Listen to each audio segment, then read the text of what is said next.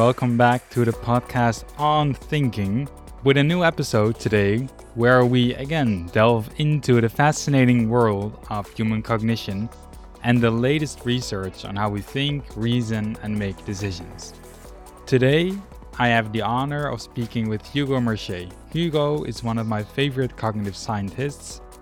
I think I've read like 20, 30 papers of him, including two books, which will be central to our talk today. But Hugo works at the French National Center for Scientific Research in Paris.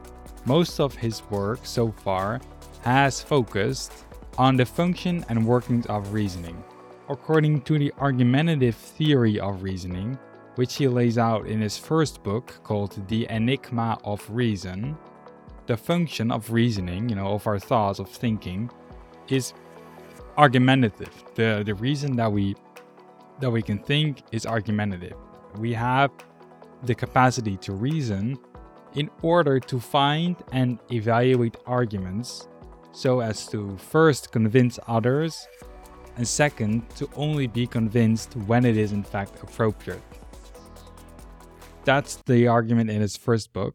And uh, another part here is that this, in fact, works quite well. So, Hugo has found lots of evidence that people are, in fact, pretty good at producing good arguments and also at evaluating those arguments, and then also at changing their minds accordingly if they have evaluated the argument and found it to be strong. So, in effect, one of Hugo's important messages is, I think, that arguments work. That's what we'll talk about in detail. And then we'll also discuss his other book, his second book, which is called Not Born Yesterday The Science of Who We Trust and What We Believe. In this book, Hugo argues against the idea that people are gullible, you know, that it's easy to persuade them, that they fall for bad arguments and stupid claims and weak evidence and so on. In fact, says Hugo, it's actually quite hard to persuade people, especially with bad stuff like bad arguments, bad evidence, weak claims. And you know, you really need good arguments, good stuff to actually persuade people because people are not gullible, they are not born yesterday. Our conversation today starts with me asking Hugo what in his first book he means with the enigma of reason. What is the enigma, you know, the riddle, the puzzle of reason? What's the mystery here, the mystery of reason? That's where we begin, and I hope you'll enjoy our conversation.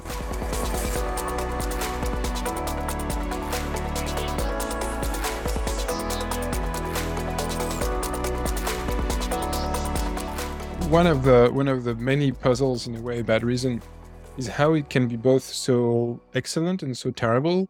In the sense that clearly it is um, thanks to reason that you know humans have been able to put a man on the moon and to develop you know complex systems of laws and you know science.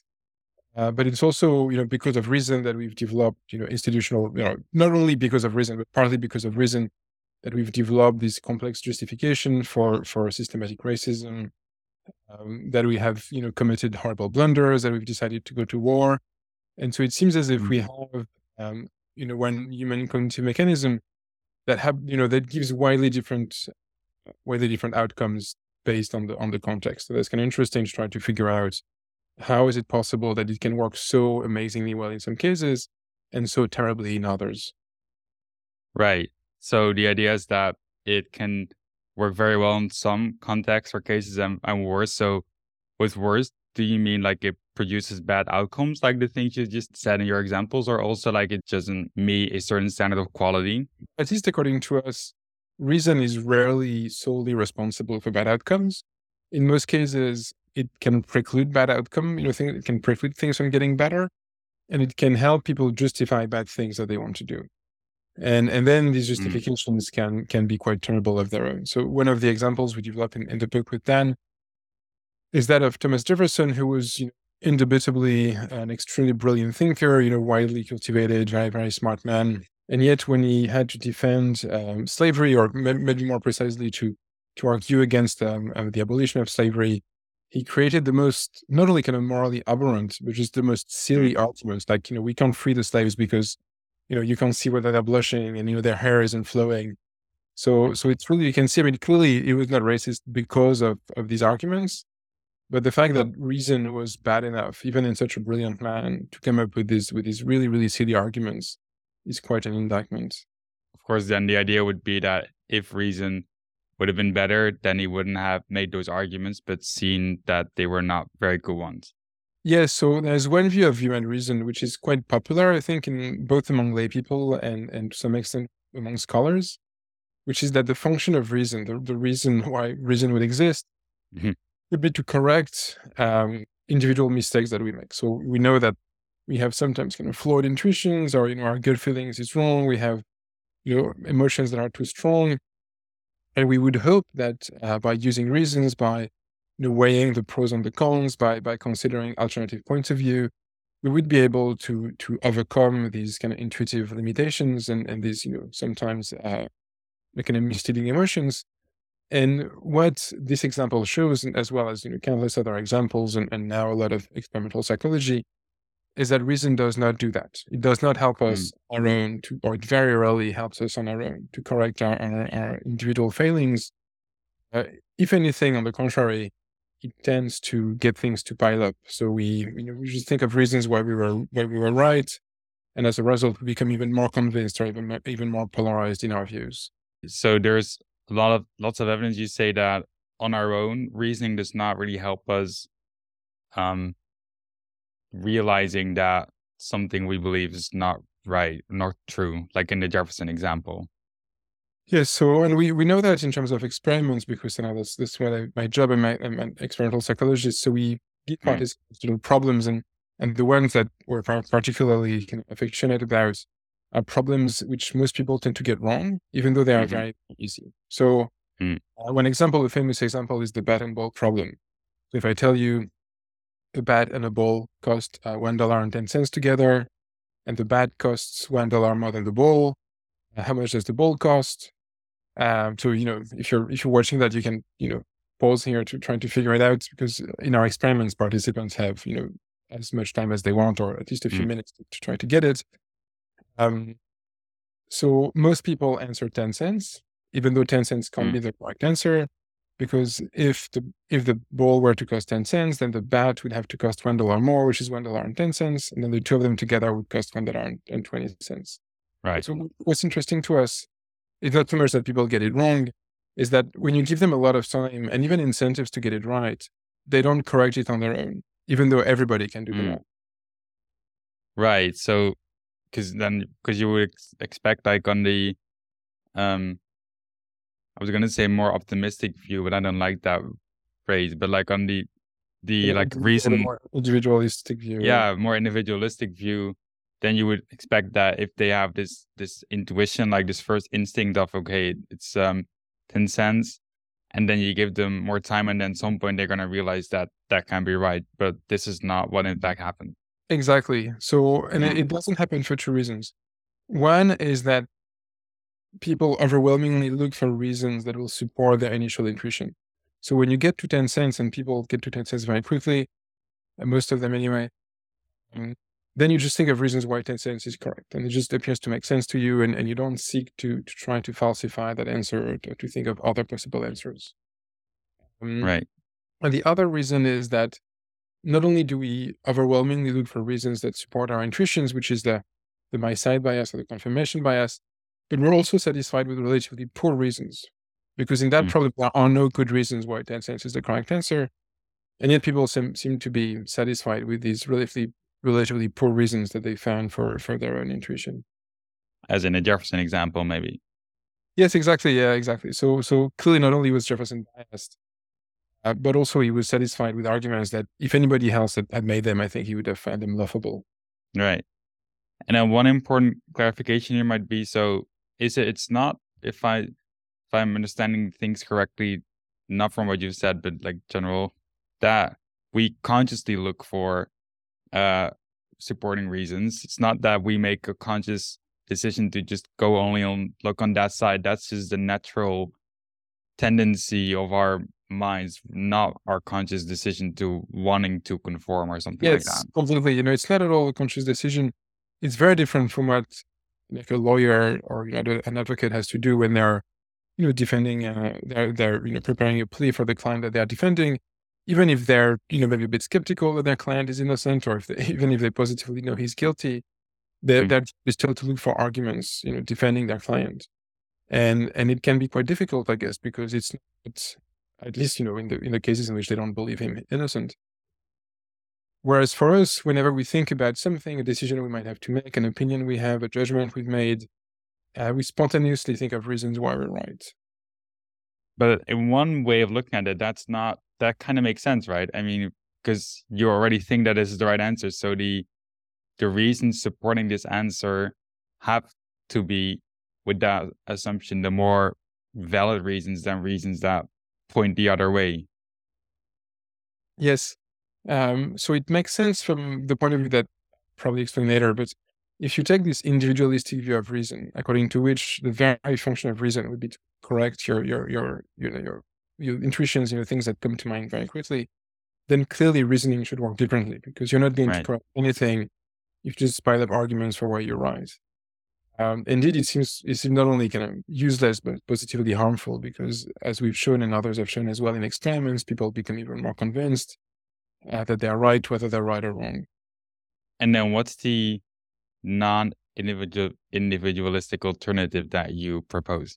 So the one we have developed with, developed with Dan Sperber is the idea that um, that reason, the, the ability we have to to produce and to evaluate reasons, is an evolved mechanisms, uh, sorry, an evolved mechanism that evolved precisely to serve social purposes, and in particular, mm. that we could exchange arguments with others, and so that we could justify ourselves. So in the case of arguments, um, the need arises when you have a situation in which two people disagree about something, but they don't trust each other enough that one of them can just accept what the other is saying, you know, just you know, without any argument. You know, so for instance, if the two of us would disagree about the best restaurant in Paris or something, um, unless I believe that you're, you know, like a very eminent food critic, you know, I'm just mm. going to disagree with you.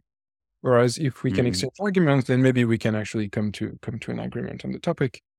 And when it comes to justifications, it's it's kind of broadly similar but a bit different. Whenever someone does something or anticipates doing something that might be poorly received, something that might look a bit stupid or might look kind of morally problematic, then we want to be able to justify ourselves, to explain to others uh, why what we are doing was in fact a smart move and, and was in fact kind of morally licensed so this the context of reasoning or the goal or like a, the purpose it serves like as a cognitive uh module or like thing that our heads do is not necessarily to as an individual find the truth but to find arguments that we can um express to others. Yeah exactly yeah. So the idea is so it, it, it is used to find reasons that we can use in turn either to, to convince others or to justify our behavior, but it is also used to evaluate those arguments. Right. So that convinced by poor arguments so that we don't have, you know, we don't accept some kind of bogus justification for, for someone's behavior.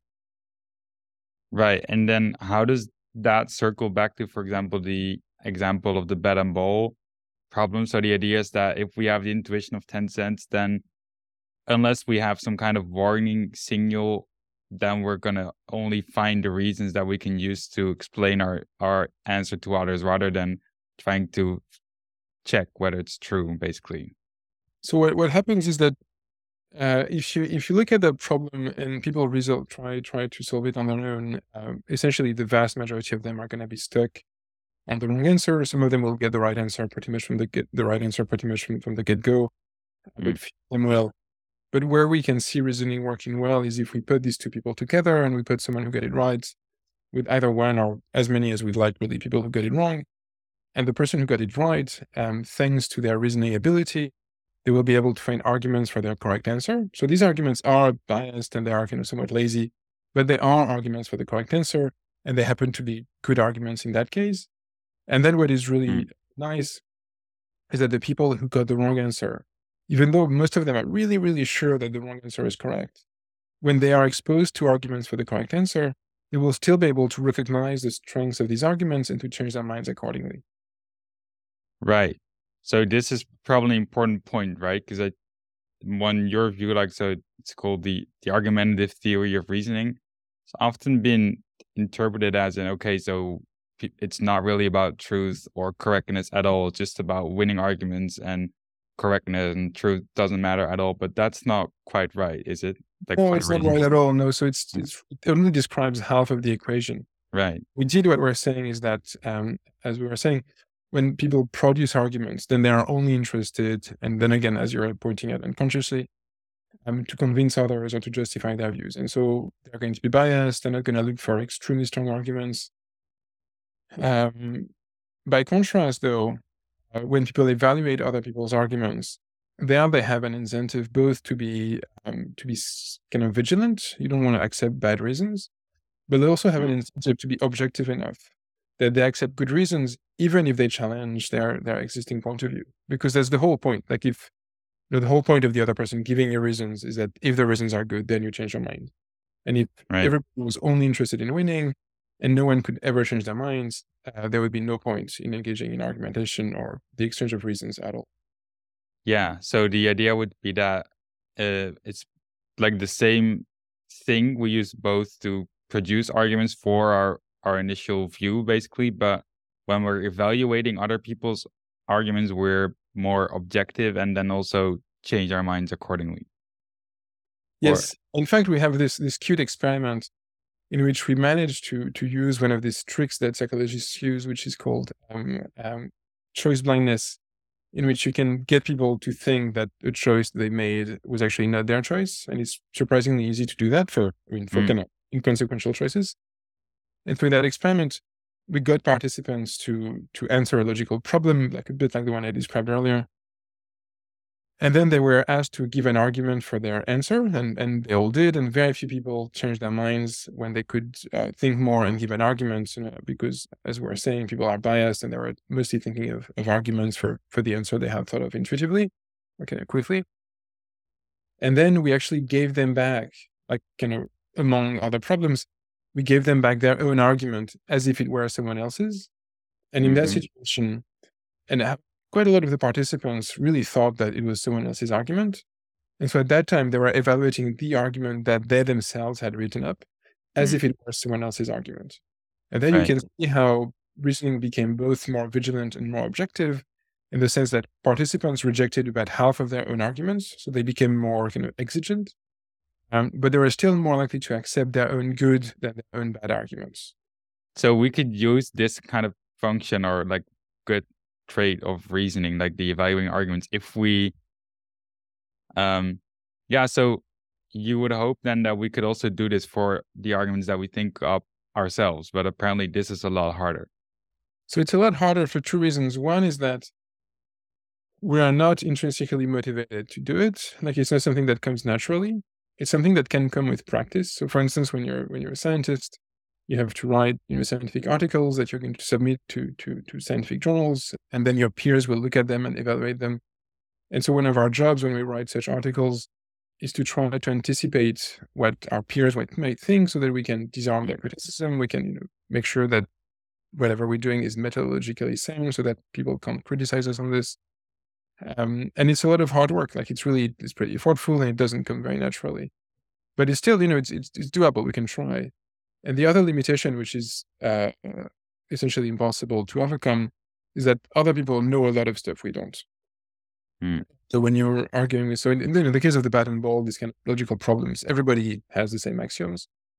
But obviously, these are kind of weird problems. And, and for just about every problem in, in everyday life, or even in academia or in politics, other people will have insight and points of view and knowledge that we don't. And these things can come up in the course of argumentation in a way that we could not anticipate, even if we tried really hard. So one upshot of this would be to just try to get in a lot of arguments with other people. Hmm.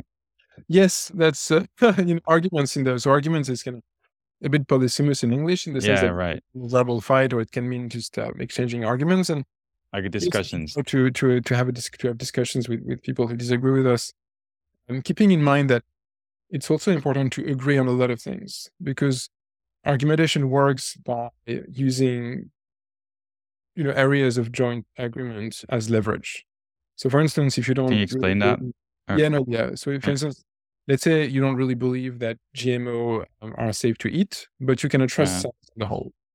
Then I can use that trust in science that you have to tell you, well, look, actually, you know, there's a scientific, a scientific consensus that GMOs are safe to eat. And there you, that can be a good argument for you to try to, to, to think that actually GMOs are safe to eat. By contrast, you don't have this agreement that that trust is, that science is, you know, on the whole to be trusted, then I can't use that leverage. And it, it becomes much harder to convince you of, of, of anything. Yeah, right. So you, what you're saying is that for this argumentative, uh, like discussion setting to kind of bring out good reasoning in us, there needs to be a certain common ground because otherwise it's just not going to get started. Yeah, exactly. There's a sweet spot. So if everybody agrees, it's bad. If everybody agrees on everything, it's bad. Or Yeah, talk- right. At least if we talk about something we agree on, it's bad because these phenomena we are describing at the individual level will also happen at the collective level. So if I, you know, we both agree that, you know, which football team is the best, and we talk about it, and we're gonna keep finding arguments where that where that football football team is the best, where the others are bad, and mm-hmm. and none of us are going to be very vigilant regarding other people, the others' arguments, because we both agree on their conclusion, and so we might both become more confident and, and sure that that that that football team is the best. Uh, by contrast, the ideal is if we disagree about one thing, but we share otherwise a lot of a lot of beliefs, a lot of agreements. Yeah, right. So if we just if we agree on too too many things, then it's probably going to lead to polarization because all of us are just going to find reasons in favor of the things that we already believe together. Yes. But I guess it's important to keep in mind that usually people don't talk about the things they agree on. So, you know, if we all, all agree that, you know, the Netherlands is to the east of France, Mhm.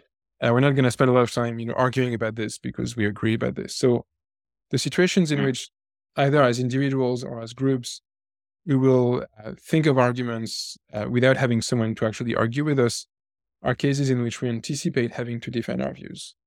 And so Mm, know, in the case of the and ball I was I was mentioning, so when you're a participant in of these problems, you know someone is going to check your answer, so you want to make sure that you can you can explain your answer, or you know if you know that your views are are kind of politically divisive or that there are people who disagree with you, it makes sense to to to try to think of arguments in the same way as you know if you know you're going to go to your boss's office to ask for a raise, you're going to try to to think of Mhm. arguments to convince him and you know and you know counter arguments to to their counter arguments. So so we do this, and sometimes we do this a little bit too much. Like we we we engage in too much of that kind of anticipatory search for arguments, and we end up never actually talking to someone who will give us counter arguments, and we just end up in a little bubble and, and kind of polarizing and, and becoming overconfident. yes.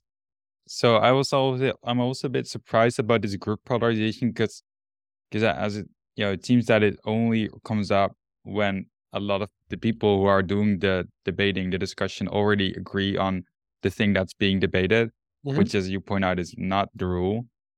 But despite that this group polarization phenomenon receives a lot of attention like in the literature and sometimes in the media like kind of sunstein's work for example. Um i was a bit surprised by that. Do you, do you share that sentiment? Yes, no, I mean, you know, people are always attracted to failings of, of human reason and human behavior, errors, and so it's just it's just an example of them. And it is, I mean, you can see how, like in the US, uh, at the moment, there's a lot of affective polarization. So there's not a lot of ideological polarization, which is what people usually think about, which is when people's views become increasingly more extreme. So you'd have one side becoming even more, you know, pro-life, and the other become even even more uh, pro-choice. But Right. that's not so much what we're seeing. What we're seeing in, in the US and in, in a number of other countries is increasing affective polarization in which people just increasingly dislike members of the other party. Mm-hmm. So, so the thing that started scaring people and the thing that can be related to group discussion and, and, and is, you know, this kind of ideological polarization, we don't see much of it actually. this affective polarization can kind of come apart from the factual polarization Well, it can to some extent, but it's a bit tricky. So the what seems to be happening in the US is a mix of two things. One is that there is increasing political sorting. So if you're like Democrats are increasingly aligned on, on most of their views, and Republicans likewise. Whereas it used to be the case that if you could be, you know, pro-life, uh, but also anti-gun and also, you know, pro-tax, you know, against taxes or whatever. So it was like the opinions were pretty much all over the place. Whereas increasingly nowadays, people tend to have more coherent opinions that align with the with the party that they support. And as a result, it sort of makes sense that people would, you know, intuitively distrust more of the other parties because now if you're if someone, you know, if I know you're a Republican, I can infer more or less rightfully a lot of things about you that I disagree with if I'm a Democrat myself, which used not to be the case. Mm. And the other factor that seems to play a role is the increased exposure to extreme views on, on online, not only online, actually on, on the TV as well, but also on social media. So, for instance, if you're a Democrat on Twitter, you're actually more exposed to to the views of other people on Twitter than you would be in real life. So I know that you hmm. can, you know, echo chamber there but the views you will be exposed to will tend to be the most extreme and sometimes the most you know, offensive views of the other side. so that gives people a, distorted picture of what a typical Republican or Democrat is. And as a result, people tend to think that these people are awful, which is true, but it's not true of the majority of them. Right. So the views you're seeing is uh, online or on Twitter are probably not or really not representative of kind of the underlying other party because like the extreme views and the well put views get the most uh, likes and retweets. Exactly. And so yeah, it's much more interesting to share, you know, Republicans saying something really offensive and idiotic, yeah. rather than Republican making a very sensible point. It's, it's pretty boring by comparison. Yeah. All right. So let's circle back a bit to the thing on reasoning. So one prediction that would seem to flow from the the argumentative theory, like what we are saying about how we're pretty good at uh, evaluating our other people's arguments and then changing our mind accordingly um, would be that people are not easily swayed by bad arguments or not gullible really so you're mentioning you're already you're already mentioning things from your your other books and not the enigma of reasoning but uh, as it's called not born yesterday which is basically an argument for this prediction of the theory that people are not gullible right mm-hmm. Yes. So the, the theory here is is the theory of the evolution of communication, uh, which is a, a basic theory in, in, evolutionary biology, pretty much kind of well understood now. And one of the outcomes, which is pretty intuitive of that theory, is that for any communication system, either kind of within one species or across species, um, to be stable across time and to, to, to persist, it has to benefit both uh, the individuals that send information and the individuals that receive information. And that is because mm-hmm. otherwise, uh, if the senders did not benefit, they would stop sending. If the receivers did not benefit, they would stop receiving. So in the case of humans, what that means is that given that senders often have an incentive to mislead receivers, like you know, if I could if I could get you to believe whatever I want, then I could get you to send me all your money, to you know, to to say right. about me. You know, I could I could manipulate you at will. People would do it. Um, but because there is this danger, as receivers, we have to be careful about what information we accept. And so we, we are constantly evaluating what we, what we hear or what we read on the basis of, you know, is the content plausible? Is the source someone knowledgeable? Is the source someone I can trust? And, and we filter out a lot of the information we, we, we are exposed to. Hmm. right. So there's a kind of this evolutionary argument for us not being likely to be persuaded by bad arguments or like untrustworthy information. Because if that was the rule, then we wouldn't have had this capacity to argue or change information in the first place. That's the idea. Yes, pretty much. Yeah, no, I think if we, so on the one hand, as and it's a bit like uh, the same for reasoning. So when we when we listen to other people, on the one hand, we want to reject anything kind of potentially harmful or misleading they could tell us. Uh, but so we have to be vigilant. But on the other hand, we also want to be open such that if they happen to be right and we're mm-hmm. wrong, we also want to be able to change our minds. Yeah, right. And then besides this evolutionary argument, what's some of the empirical evidence for this that people are not gullible? So there is a lot of evidence. So some of it comes from experimental psychology, and we can show in the lab that people take some some pretty sometimes sophisticated cues into account when deciding um, whom they should believe and, and what they should uh, what sorry whom they should trust and, and what they should believe. Um, interestingly, uh, for the past twenty years as well, a lot of work has been done in developmental psychology showing that even very small kids and babies can take these sort of cues into account. So one example I like, for instance, and that will I think you know, speak to to to every parent in this experiment, um, toddlers, I think they were kind of 18 months old, so very kind of very small small kids. Uh, they were put on a plane and they had to to walk, you know, either on, on all fours and, or or you know, on, on, on normally, and they had to walk towards their mother, and either there was a very kind of sharp uh, incline, so such that it would be kind of dangerous, or there was kind of a moderate incline, or it was completely flat. And the mother was instructed by the experimenters either to call the baby to them or to tell the baby, no, don't go, don't go, don't go. And so what we could see was that when the when the when the incline was was way too steep, uh, none of the kids, essentially, very few of the kids went, even though obviously it was very safe, you know, someone was catching them and everything. Even even when the mother was asking them to come, you know, they would stop. By contrast, when it was flat, even if the mother was telling them not to come, they would go. So it was mm-hmm. only in the kind of intermediate situation when the babies were not really sure themselves what they should do that they started listening to their to their mother. So they were right. able to take into account their own perspective and what they thought was correct, and to integrate that uh, with what, what, what the mother was saying. Right. So already at 18 months old, when they have this idea that it's safe, um, and then or not safe, and the mother tells them the other thing, then they're gonna do what they themselves. They're gonna trust their intuition yeah, yeah. yeah, that's that's a pretty funny uh, example. Yeah, and uh, and what's some of the more like because the the idea that people are gullible is one of these uh, uh myths that's pretty popular for some some mm-hmm. reason um and not just like the the like um like more complicated evolutionary arguments but also then people were would point to like the Solomon Asch experiment, or they would say things about micro targeting or Cambridge Analytica yeah. or that kind of thing. So maybe could you talk about that a little bit? I will, yeah. So people have this image that you can persuade a lot of people at once or very quickly. So you can have you know, advertising and political campaigns. And and more generally, people have this idea that a lot of the behaviors that they disagree with, whether it is voting for someone they don't like or you know buying products they find they, they think are useless, that these behaviors have been caused by communication. So if people voted for Trump or for Brexit, it's because they have been brainwashed by, you know, Fox News and the Daily Mail, respectively, or something like that. Mm-hmm. And this is just completely wrong. So mm-hmm. essentially, mass communication has very, very, very small effects on uh, on people's uh, kind of underlying attitudes. Um, mm. We can see that across a wide range of, of settings. Um, so, for instance, studies in political science have shown that political campaigns have very small effects on people's choices.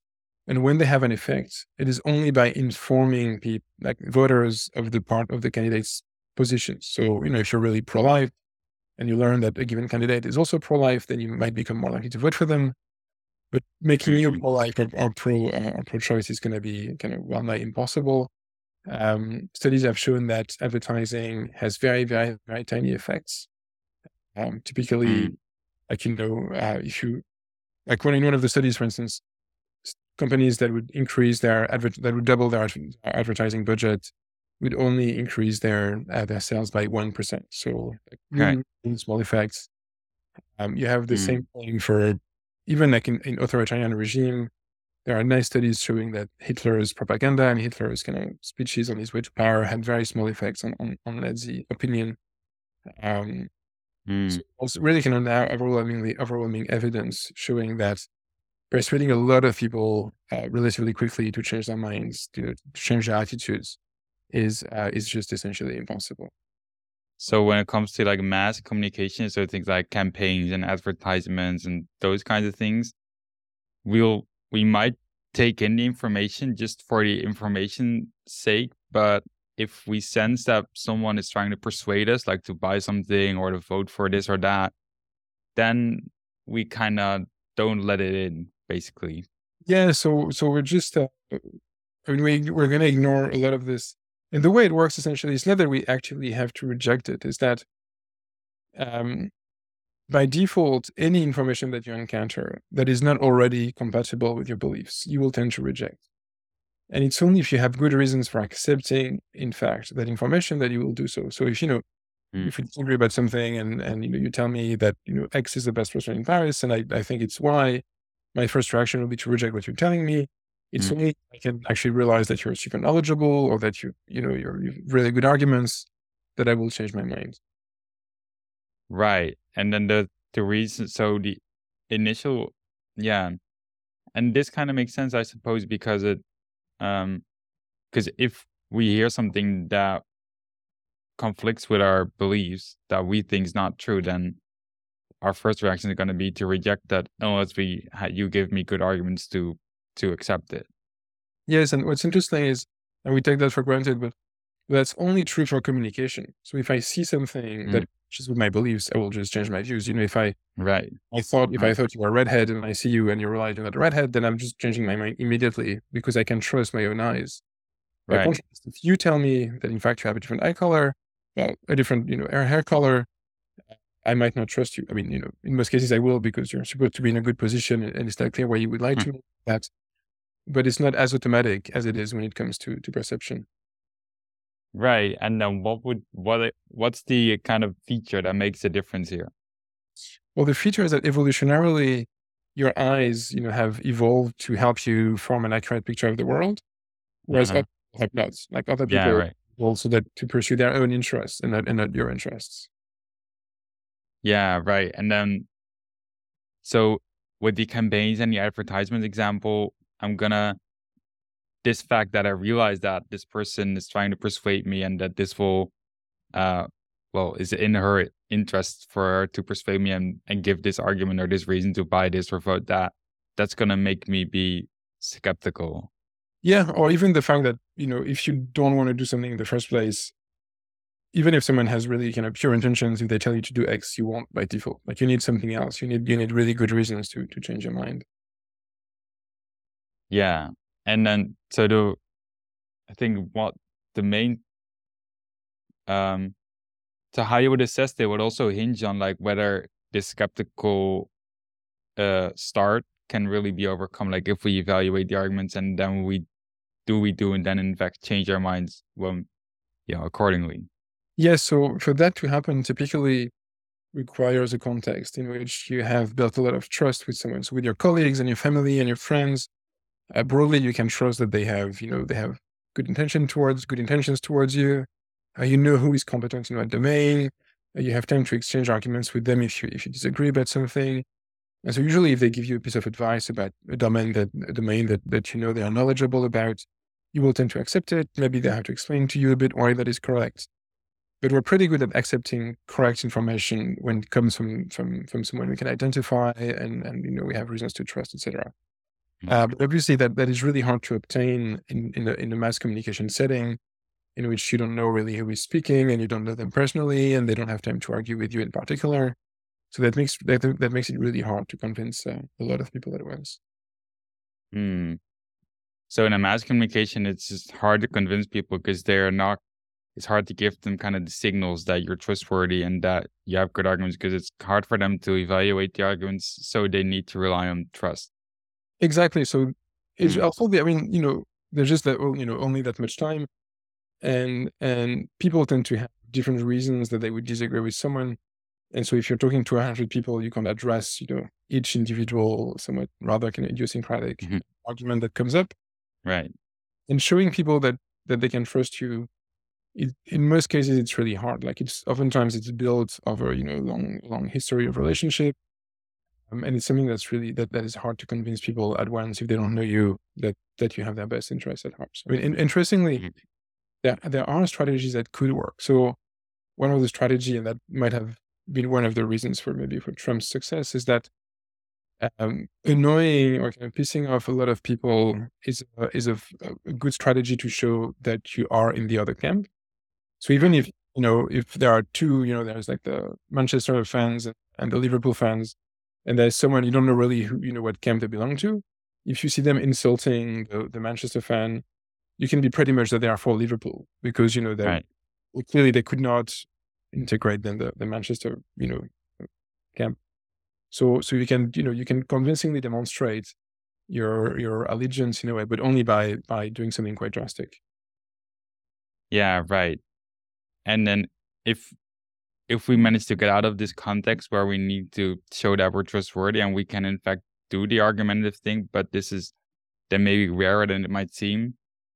Then the the um, thing we said at the beginning about the argumentative theory kickbacks in again, and then we evaluate them pretty good, and then we also change our mind. You know, things work well. I mean, my Hmm. Favorite example of that, I mean, it's, it's from mathematics, so it's a bit, you know, it's, it, it works better than in other areas because the arguments are so deductive and perfect.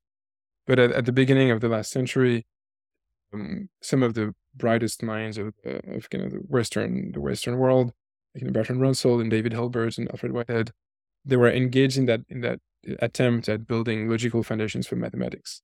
And they had Mm. spent uh, most of their lives doing this. They had written thousands of pages. They were really obsessed with it. It was it was their whole kind of it was it was really kind of all consuming. Um, and then at some point, uh, Kurt Gödel, who no one knew really at the time, comes along, and he has this this theorem according to which it's not possible to do this. And they all read it, and immediately they're like, "Oh yeah, he's right. We have to drop everything," and they Mhm. do. And so, even though in that case there are kind of extraordinarily strong emotions and you know commitment and, and costs that have been paid by all these people, Yeah. Like when the argument is good enough, um, people will change their minds. But obviously, there are a few disciplines in which in which the arguments can be as as strong as they are in mathematics or in logic. Yeah, sure. But uh, the general principle holds. That's the idea. Yeah, Yeah. and then- then the you know the weaker the arguments get, the you know the, the more time it will take to convince people. But um, but you know we'll, Mm. we'll get there eventually. All right. Um, I think uh, all my questions have been answered. Fantastic. Thank you. All right. Hugo, thank you very much. My pleasure.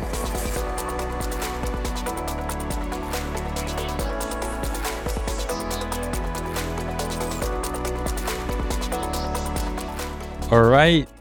That was my conversation for today. I hope you found that interesting and helpful and informative and enjoyable. I was certainly very honored to talk to Hugo. Think we had been scheduling this for like five months or something. also, partly my fault that it took so long because I was finishing my book, um, which will publish this spring, hopefully. But I hope that after this conversation, you have now gotten a better idea of the argumentative theory of reasoning, which is something that you might come across in popular science books or something. And then it is often claimed that this theory shows that people don't care about truth, only care about winning, will accept bad arguments for their view very easily, and so on, and are not persuaded at all by good arguments that go against their view, and so forth. Well, this conversation is hopefully an antidote to that misinterpretation of the theory. As for the the myth that people are gullible and easily persuaded and that we that we should be afraid of things like Cambridge Analytica and so on, that is also simply not true. So again, I hope this conversation gives you a bit more background on those kinds of issues.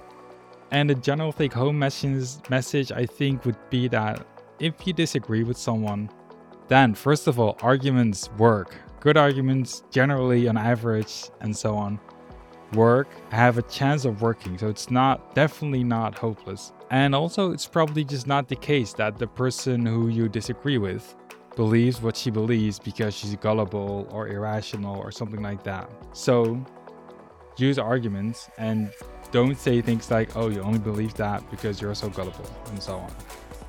Because that's probably not true and because arguments work. Having said that i will talk to you in a couple of weeks when I'll have the next episode. Bye bye.